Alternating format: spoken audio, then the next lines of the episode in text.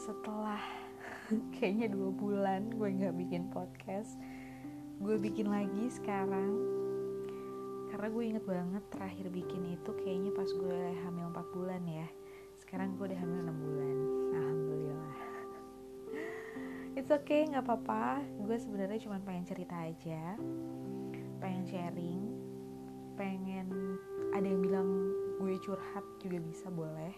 Mungkin gue sedikit curhat juga atau apa aja lah sebutannya. Nge-save juga sekalian nge-save ya cerita-cerita di hidup gue lah gitu. Nah kali ini kayaknya gue mau ceritain tentang jodoh. Kenapa? Karena gue ngerasa jodoh di hidup gue itu um, amazing sih. Ya maksudnya cerita ceritanya gitu. Karena gue nggak menyangka akan mendapatkan jodoh secepat itu waktu itu. Dan gue merasa bahwa doa-doa gue tuh kayak kok bisa langsung dikabulin gitu? Kok uh, kok bisa langsung dijawab gitu loh sama Allah? Jadi um, awalnya ya mungkin kalau dibilang punya pacar awalnya dulu zaman sekolah iya ada aja gitu SMA ada yang sampai kuliah dari SMA sampai kuliah eh ternyata harus berakhir tuh. Uh, kenapa berakhir? Ini ini ini sebenarnya pengalaman pertama gue uh, diselingkuhin. Uh. Jadi pertama kali gue diselingkuhin itu sama satu cowok. Jadi gue um, pacaran sama dia itu dari SMA dari SMA sampai kuliah. Waktu itu ceritanya pas mau lulus SMA itu dia mungkin dia lebih pintar dari gue ya. Kalau gue rasa kalau soal akademik gitu. Mungkin dia lebih pintar. Jadi waktu itu dia dapet jalur undangan di universitas gue. Duluan lah dia masuk kuliah. Gue belum nih karena ya gue nggak ikutan undangan-undanganan. Gue coba untuk di kampus-kampus lain dulu. Ternyata nggak um, lulus gitu. Kayak di UGM gak dapet di UI dapetnya D3 terus nggak boleh sama papa gue. Nggak boleh D3 waktu itu. Jadi nggak uh, dilanjutin. Terus gue di Unpad juga nggak dapet. UNJ yang gue yakin gue dapet gue nggak masuk juga. Itu gue sampai nangis loh. Pas UNJ itu pengumuman UNJ um, waktu itu gue ikut ujian mandiri di UIN gue inget banget. Gue lagi di UIN sama nyokap gue. Lagi ikut ujian UIN tiba-tiba dapat pengumuman hari itu tentang hasil dari UNJ gak lulus dong. Padahal gue tuh udah ngerasa yakin banget gue lulus karena gue merasa itu ujiannya gampang. Ternyata gak lulus. Itu rasanya kan nyesek ya karena gue ngerasa ngerasa itu tuh gampang gitu. Dan gue yakin gue lulus mungkin ya gara-gara sombong atau gara-gara apa ya gitu. Kayak terlalu pede gitu. Ternyata gue nggak lulus. Dan itu gue langsung nangis. Cuman itu yang nggak lulus gue sampai nangis. Karena gue ngerasa kecewa banget gitu. Nah uh, jadi gue tuh yang lulus cuman UID 3 itu. Okupasi terapi kalau nggak salah. Apa fisioterapi? Okupasi terapi kalau nggak salah gue lulus. Nggak diambil terus yang kedua gue lulus UIN psikologi. Sebenarnya gue emang cita-cita tuh pengen jadi psikologi sebetulnya cita-cita gue. Dari dulu gitu pengen banget. Tapi di UIN bo dapetnya gitu. Dan waktu itu gue ngerasa kayak gue coba dulu deh yang lain gitu. Coba lagi di yaitu kampus gue tercinta. Institut Pertanian Bogor. Ini gue sebutin aja ya gue ikut tes mandiri di sana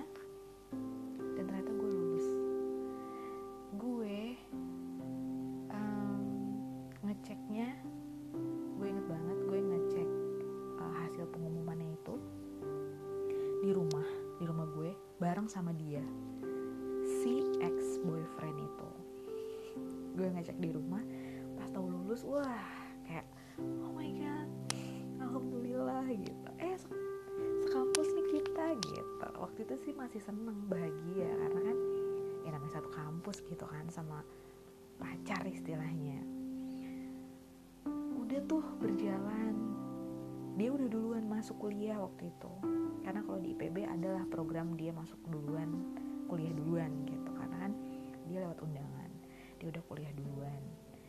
Pas gue masuk dia tuh nemenin gue ke asrama segala macem.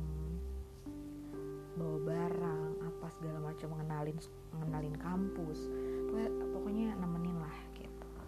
Pas ada nyokap gue datang ke kampus ke asrama juga dia nemenin kayak gitu. Nah berjalannya waktu berjalannya waktu berjalannya waktu ternyata mungkin anak-anak IPB bening-bening ya. Menurut gue sih mungkin iya kayak gitu. Mungkin bosan juga sama yang udah lama. Atau apa ya? Kira-kira menurut teman-teman apa sih? Kenapa sih kok bisa dia melakukan hal yang begitu tega. Jadi waktu itu uh, ini gue ceritain secara spesifik bukan spesifik mungkin diceritain secara uh, seingatnya aja ya gitu. Karena iya iya pasti keinget sih karena ini sangat pengalaman yang amat sangat nggak akan bisa gue lupain gitu. Gue pulang kuliah keluar dari kelas ada cewek nyamperin gue. Hai Vidi ya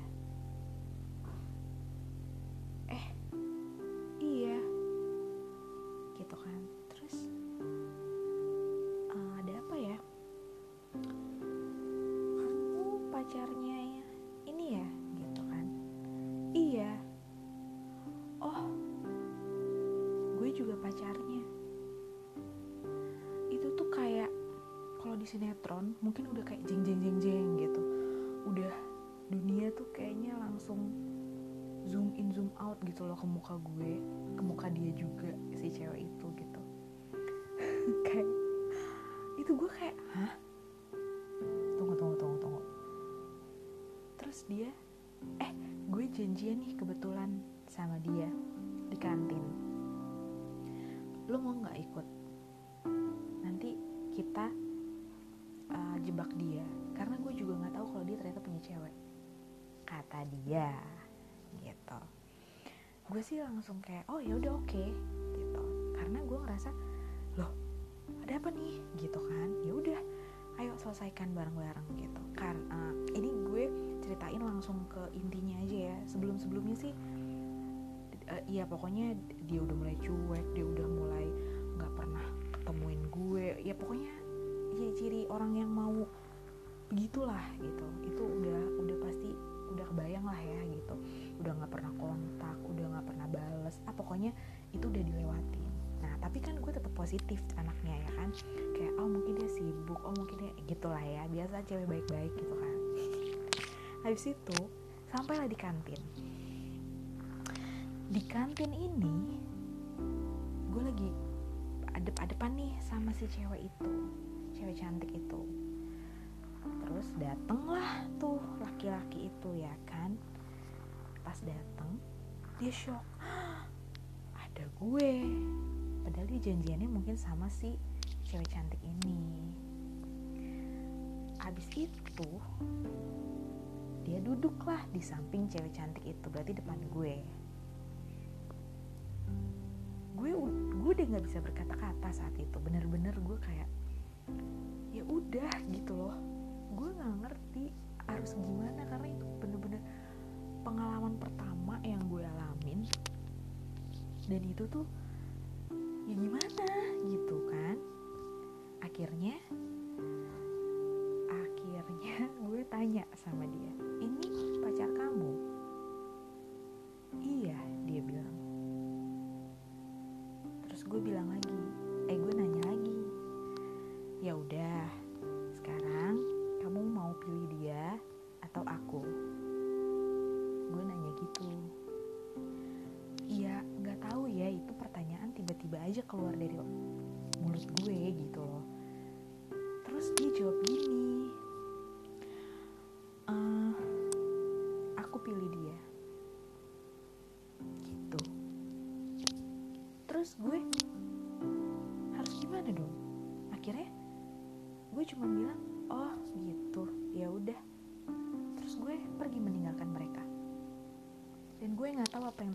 setelah itu mungkin mereka menertawakan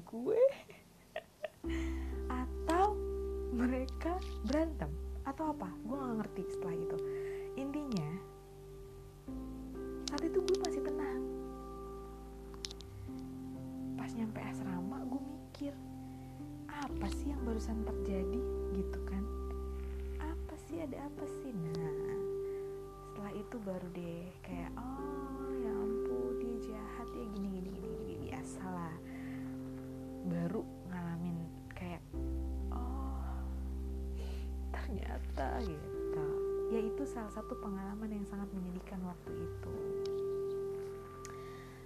Setelah itu gue bisa move on setelah ada temen asrama gue teman sekamar gue roommate gue memperkenalkan temannya.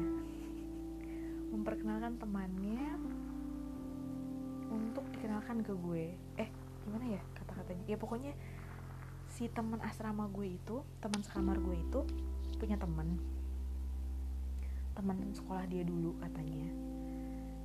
Dikenalin lah ke gue. Singkat cerita pokoknya. Akhirnya gue jadian sama dia. Sempet lama lama lama lama. Nah berakhir juga secara tidak diduga. Kenapa? Berakhir dengan menyedihkan juga gue tiba-tiba diputusin. Kenapa? Penasaran gak sih? Penasaran gak sih gue diputusin kenapa? Pasti kalau misalnya gue ceritain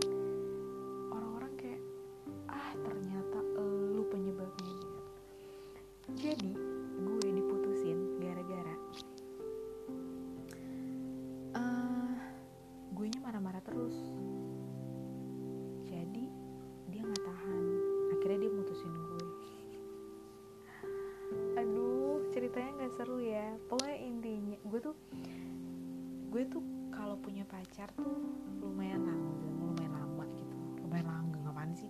Maksudnya kalau ngejalin hubungan sama orang tuh lu uh, lama gitu nggak yang kayak cuman sehari dua hari gitu. Enggak sih. Maksudnya gue uh, ngejalaninnya dua tahun gitu minimal.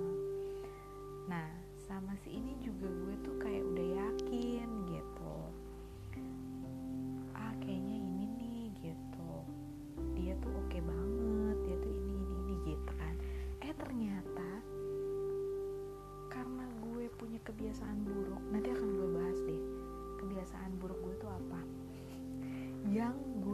sampai nggak tahu harus gimana ngadepin diri gue sendiri.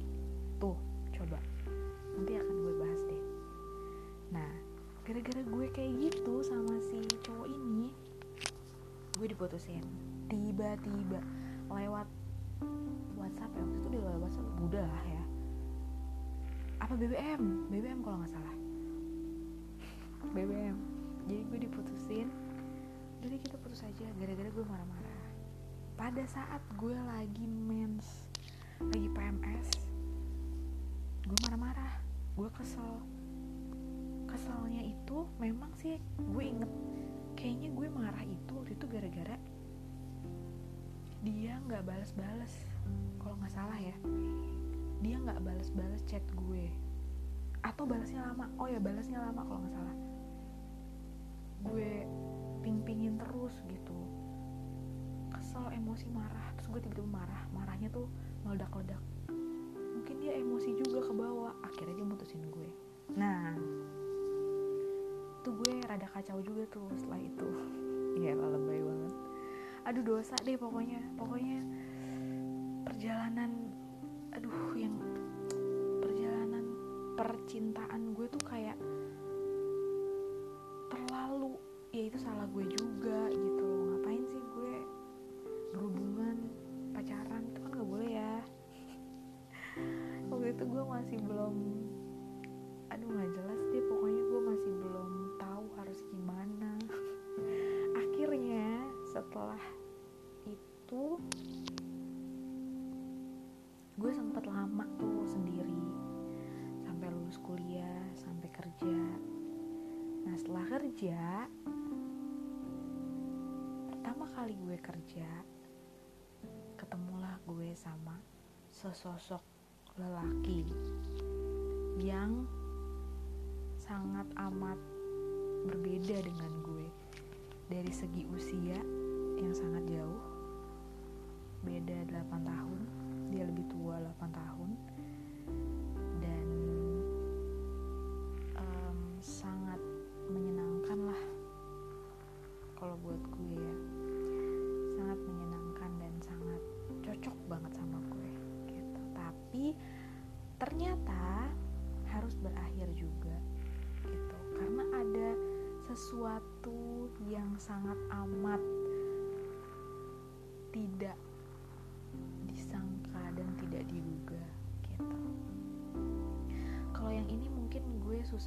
ceritainnya karena terlalu menyedihkan gitu terlalu menyakitkan. Jadi uh, walaupun hubungannya cukup lama tapi uh, ya gagal lah tidak ya tidak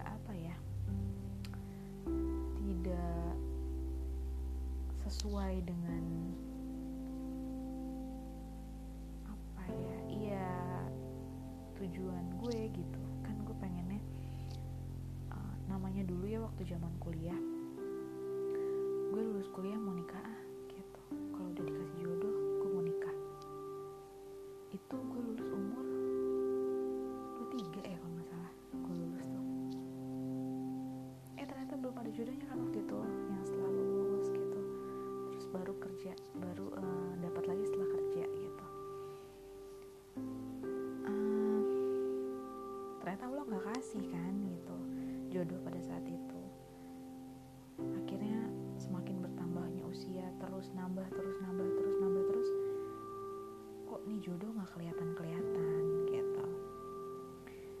setelah ngejalanin yang terakhir itu gue sempat kayak stres gitu loh.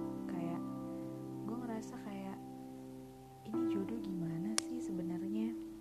Umur gue nambah terus loh. Bahkan sampai di titik di mana bokap gue aja sampai nanyain gimana nih jodohnya? Saking udah waktunya harusnya gitu. Jadi waktu itu waktu kakak gue nikah nyokap gue bilang tiga tahun lagi ya. Gitu. Dari kakak gue nikah nih. Kakak gue nikah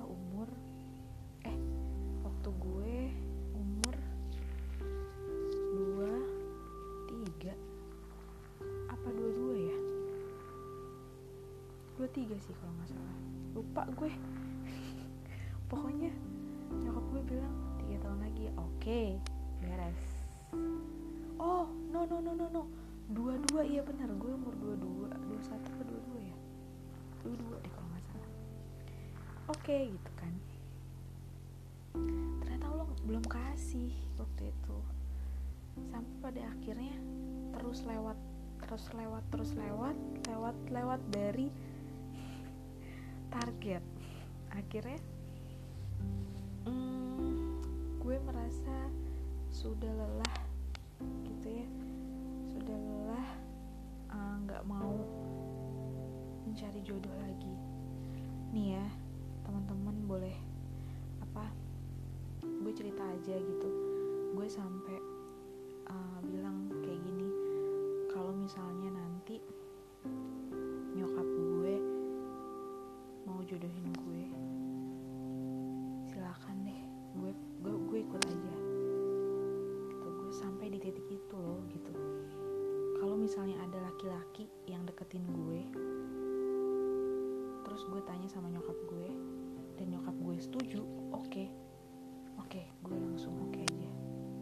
gue juga oke okay,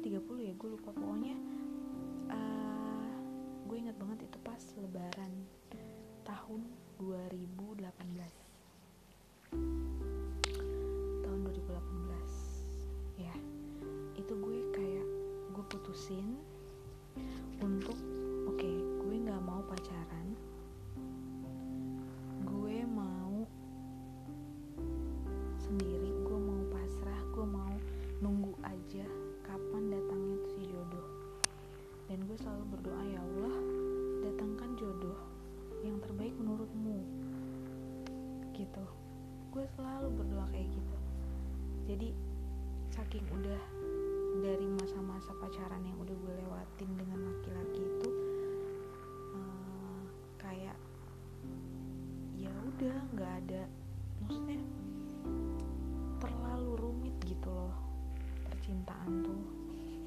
Jadi kayak semuanya main-main gitu semuanya tuh nggak ada yang kitanya udah serius dianya nggak serius gitu kan. Jadi apa ya kayak ya udah gitu lewat begitu aja gitu. Nah makanya gue kayak ngerasa sebenarnya apa sih yang gue cari? gitu. Jodoh itu harus yang kayak gimana sih? Jodoh itu harus yang bisa bikin kita gimana sih? Gitu. Nah itu yang memang apa ya jadi pertanyaan terbesar gitu loh saat itu di gue. Akhirnya gue berpikir bahwa oh ya udah deh oke gue pasrah aja sekarang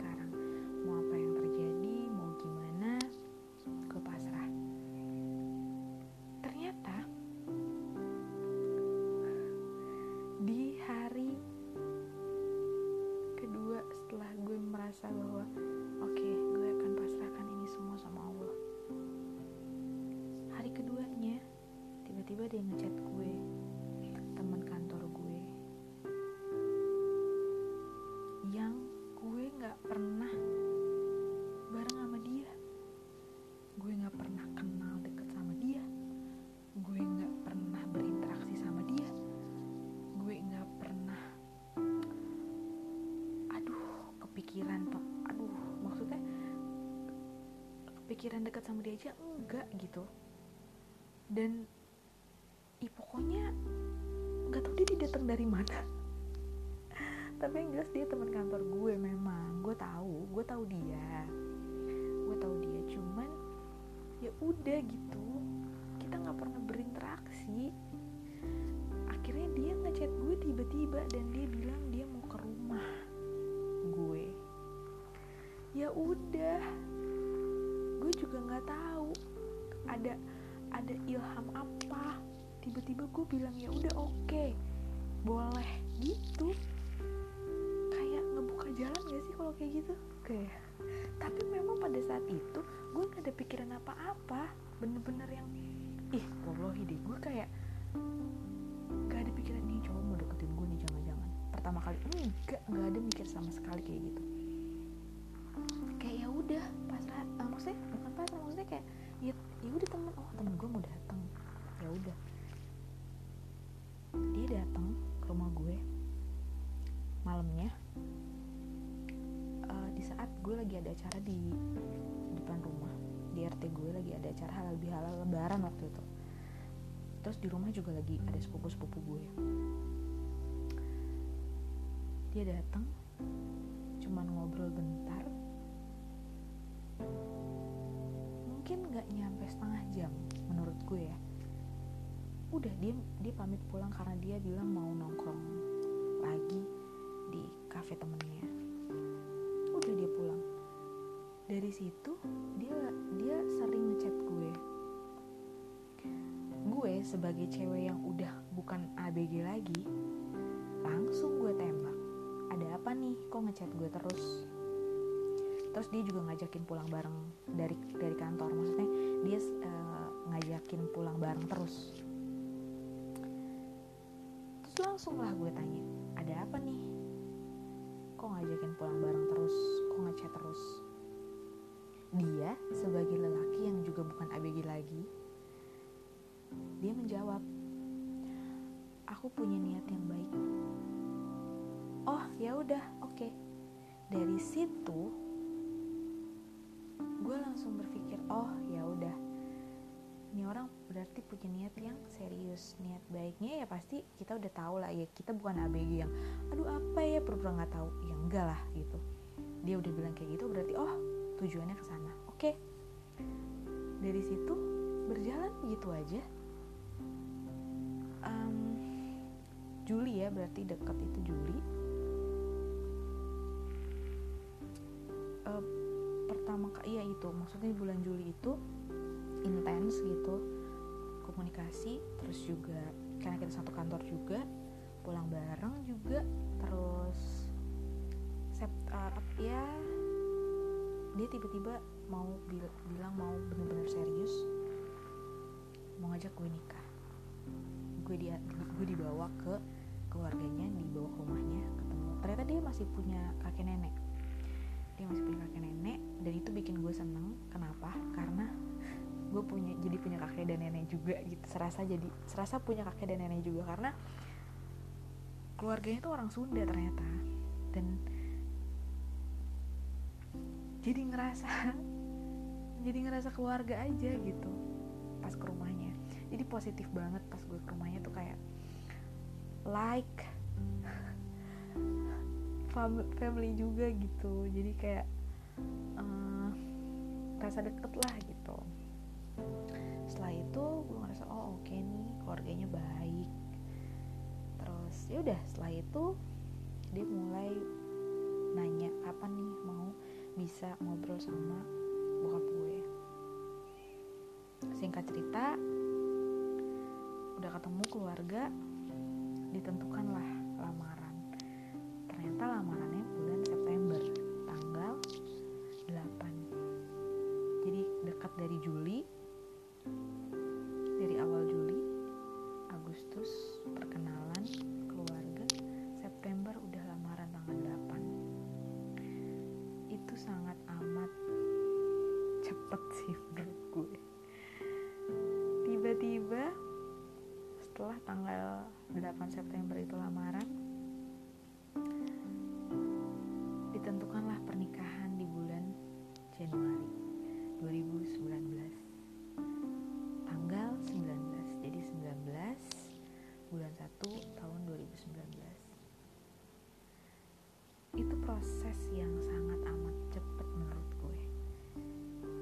nggak mudah.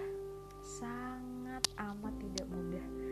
Kalau teman-teman harus gue ceritain lagi lebih detail gimana perjuangan gue sama si suami gue ini waktu itu uh, untuk menjalani hubungan yang ditentang. Ditentang oleh siapa? Oleh teman-teman di kantor. Jadi kan kita satu kantor nih ditentang oleh teman-teman di kantor gitu. Itu rasanya sangat amat gak enak sangat amat meresahkan dan bikin galau terus terang gitu. Karena keluarga udah oke okay, keluarganya dia udah oke okay, dari keluarga gue udah oke. Okay. cuman memang waktu itu bokap gue doang yang rada kaget. Tiba-tiba anaknya didatengin cowok dan bilang langsung mau nikahin. Itu memang rada-rada bikin bokap gue kayak serius nih? Gitu. Ya itu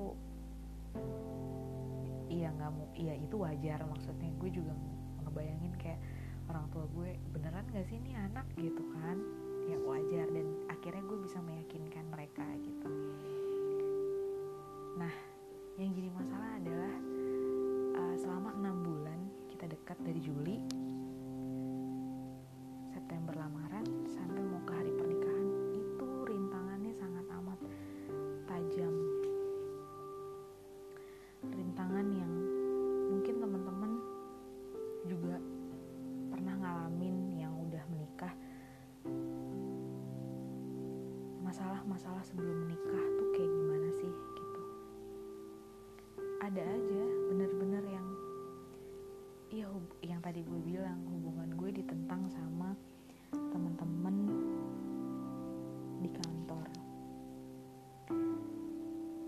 semua kayak nggak setuju gitu.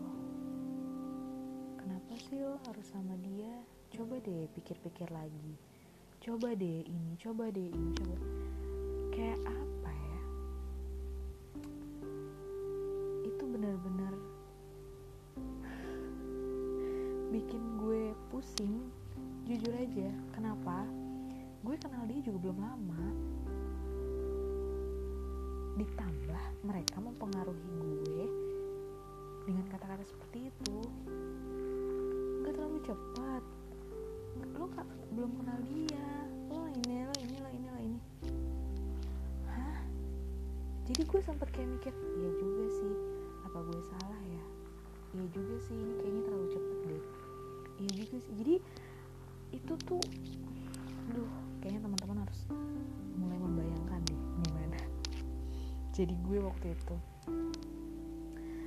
Kalau dari suami gue suami gue orangnya uh, teguh pendirian kali ya bisa dibilang. Uh, apa ya ya dia merasa bahwa ya terserah orang lain mau bilang apa. Kan kamu jalaninnya sama aku dia bilang gitu. Kan kamu yang tahu mereka nggak tahu aku. Mereka cuma tahu aku di kantor. Dia bilang gitu. Mereka emang tahu aslinya aku kayak gimana? Dia bilang gitu. Setelah gue pikir-pikir iya juga benar. Benar nggak ada nggak ada yang salah benar. Benar juga kata dia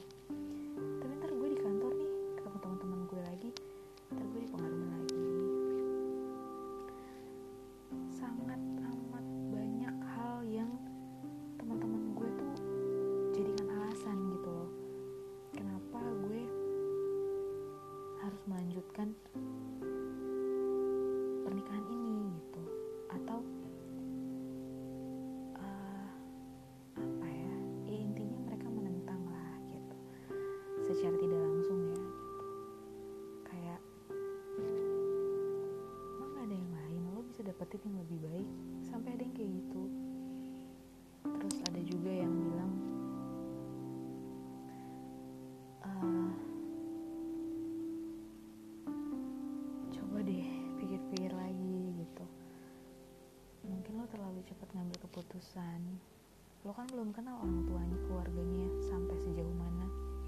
Lo kan belum kenal sifat-sifat dia kayak gimana. Ya gimana ya? Masa kita harus pacaran? Padahal emang gue niatnya pada saat gue udah waktu itu memutuskan untuk pasrah ya tentang jodoh gue bilang gue gak mau pacaran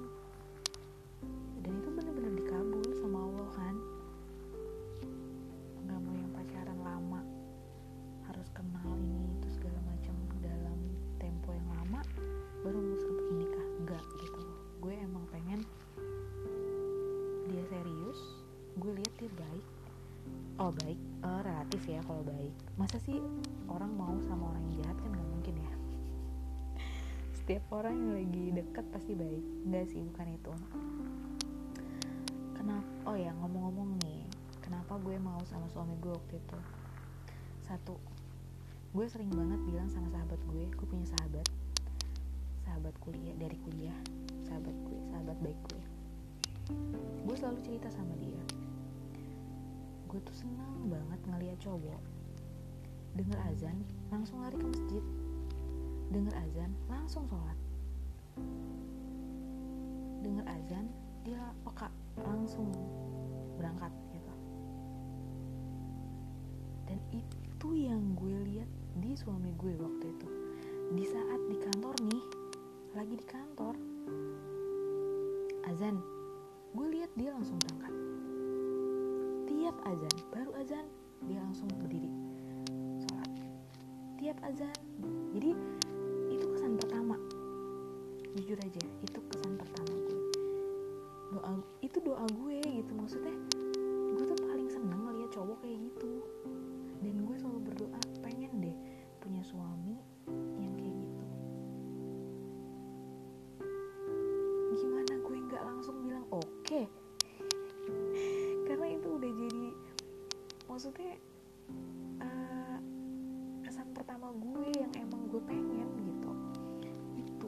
jadi itu yang nggak pernah bisa gue lupain gitu. Azan dia sholat. Nah itu salah satu alasan kenapa gue mau sama dia sama suami gue. Dan gue mau nerima gitu. Maksudnya dia ngajakin nikah gue langsung kayak oke okay, ayo. Kita kita serius oke okay, ayo. Gitu. Karena gue lihat dari situnya agamanya bagus. Dari keluarganya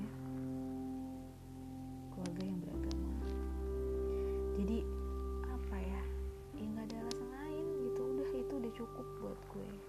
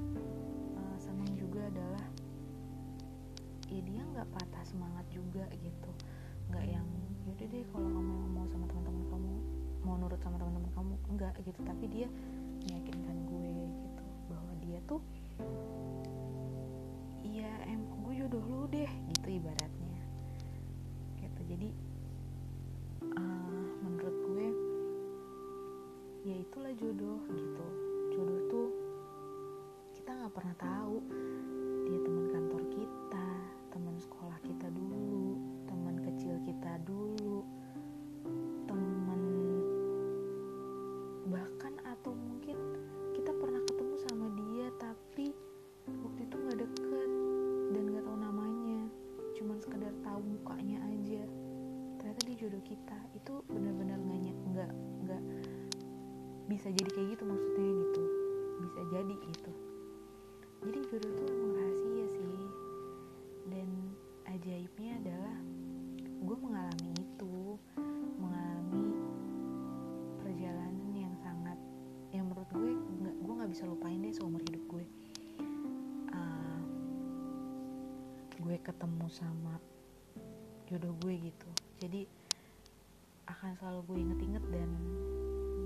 bisa jadi cerita buat nanti anak cucu gue gitu. Gue kenalan sama suami gue kayak gimana gitu. Uh, apa ya? Berkesan ya pasti berkesan.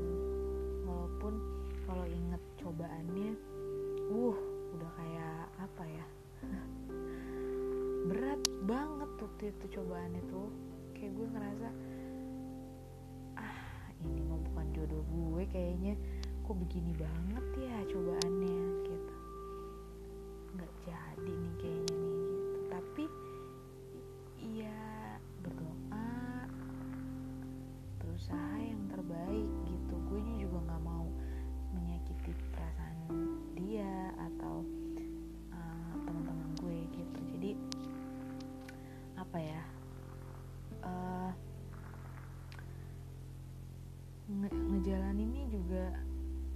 walaupun berat walaupun kayaknya aduh begini banget sih gitu.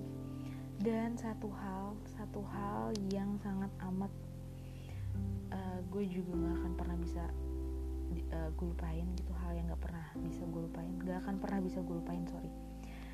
Uh, adalah waktu pas masih belum ijab kabul lah ya belum sah gue emang nyuekin dia banget gitu ya itu sadar nggak sadar ya gue juga ngelakuinnya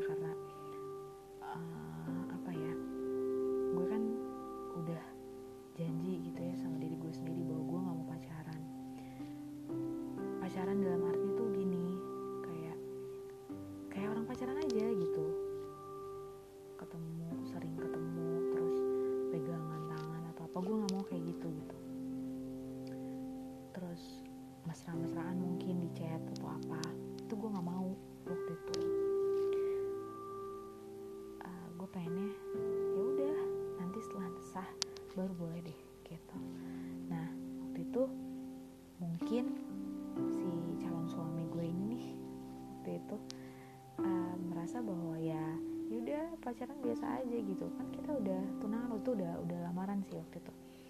Setelah setelah setelah September lah.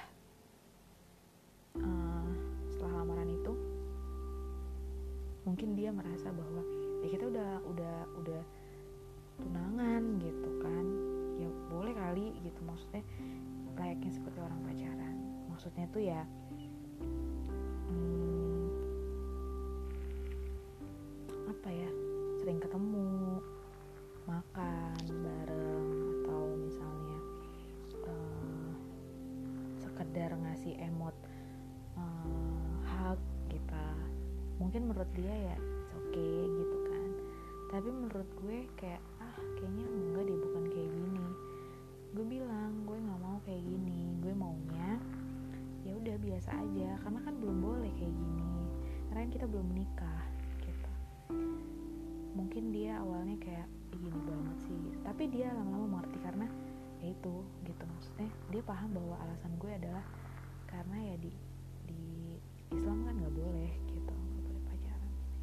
Nah akhirnya setelah kayak gitu gue emang rada cuek banget sama dia. Rada cuek rada ya nggak pengen berlebihan lah gitu. Tetapi setelah ijab kabul ijab kabul. Ya setelah ijab kabul itu gue kayak langsung pindah dunia guys sumpah. Uh, itu ajaib banget sih. Setelah ijab kabul dia pegang tangan bokap gue salaman sah ijab kabul udah. Itu kayak dunia tuh gue kayak pindah dunia ngerti gak sih? Kayak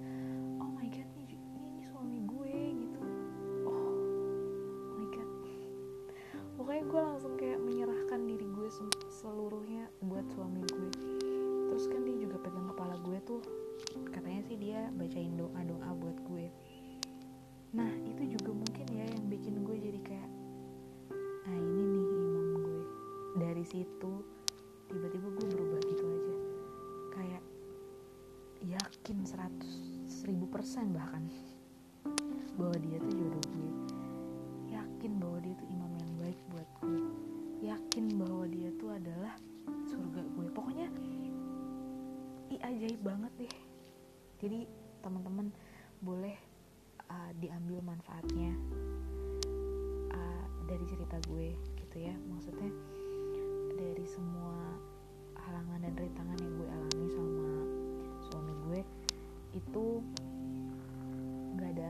pada saat lo udah ijab kabul gitu. Itu kayak ya udah gitu. Langsung tiba-tiba berubah. Jadi lo tuh ya masuk ke dunia dia gitu. Karena di situ juga pas ijab kabul banyak malaikat ya yang nyaksiin. Itu ya luar biasa sih. Dari situ gue langsung kayak ih jatuh cinta parah sama suami gue asik. Enggak deh iya deh gitu. Jadi uh, makanya cerita jodoh gue ini tuh kayaknya gak akan habis-habis sih. Ini udah terlalu lama juga podcastnya. Pokoknya intinya adalah jodoh tuh misteri. Jodoh tuh rahasia. Kita nggak akan pernah tahu tapi yakin aja ini sebenarnya gue masih punya uh, sesuatu yang harus di sharing tapi ini udah terlalu lama sih podcastnya. Nanti mungkin dilanjut lagi sesi kedua uh, untuk tentang perjodohan ini. Yang jelas gue sangat amat concern sama jodoh ini karena gue ngalamin sendiri gimana uh, pencarian jodoh gue yang sangat amat berliku-liku gitu. Sampai akhirnya gue mau masrahkan diri gue dan akhirnya tiba-tiba langsung ajaib sih guys. Pokoknya teman-teman jangan putus asa kalau yang belum punya jodoh belum berjodoh tenang aja. Sesuai agama teman-teman pasrahkan sama Tuhan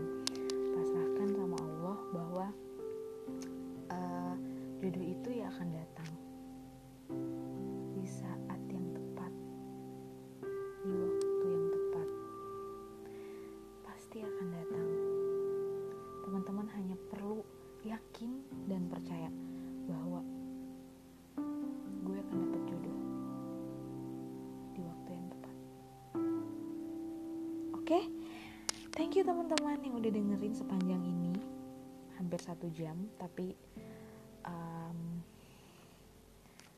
gue uh, ceritanya emang rada-rada dicepet-cepetin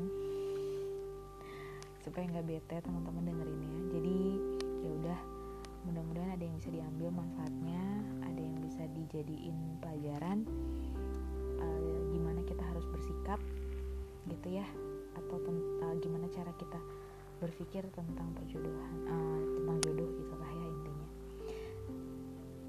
Sampai ketemu di podcast selanjutnya mungkin tentang jodoh ini juga atau gimana? Karena memang sebenarnya masih ada hal-hal yang pengen di sharing sih tentang jodoh ini gitu. Mungkin nanti dia di nextnya ya insya Allah kalau kita ketemu lagi. Thank you teman-teman. Dah assalamualaikum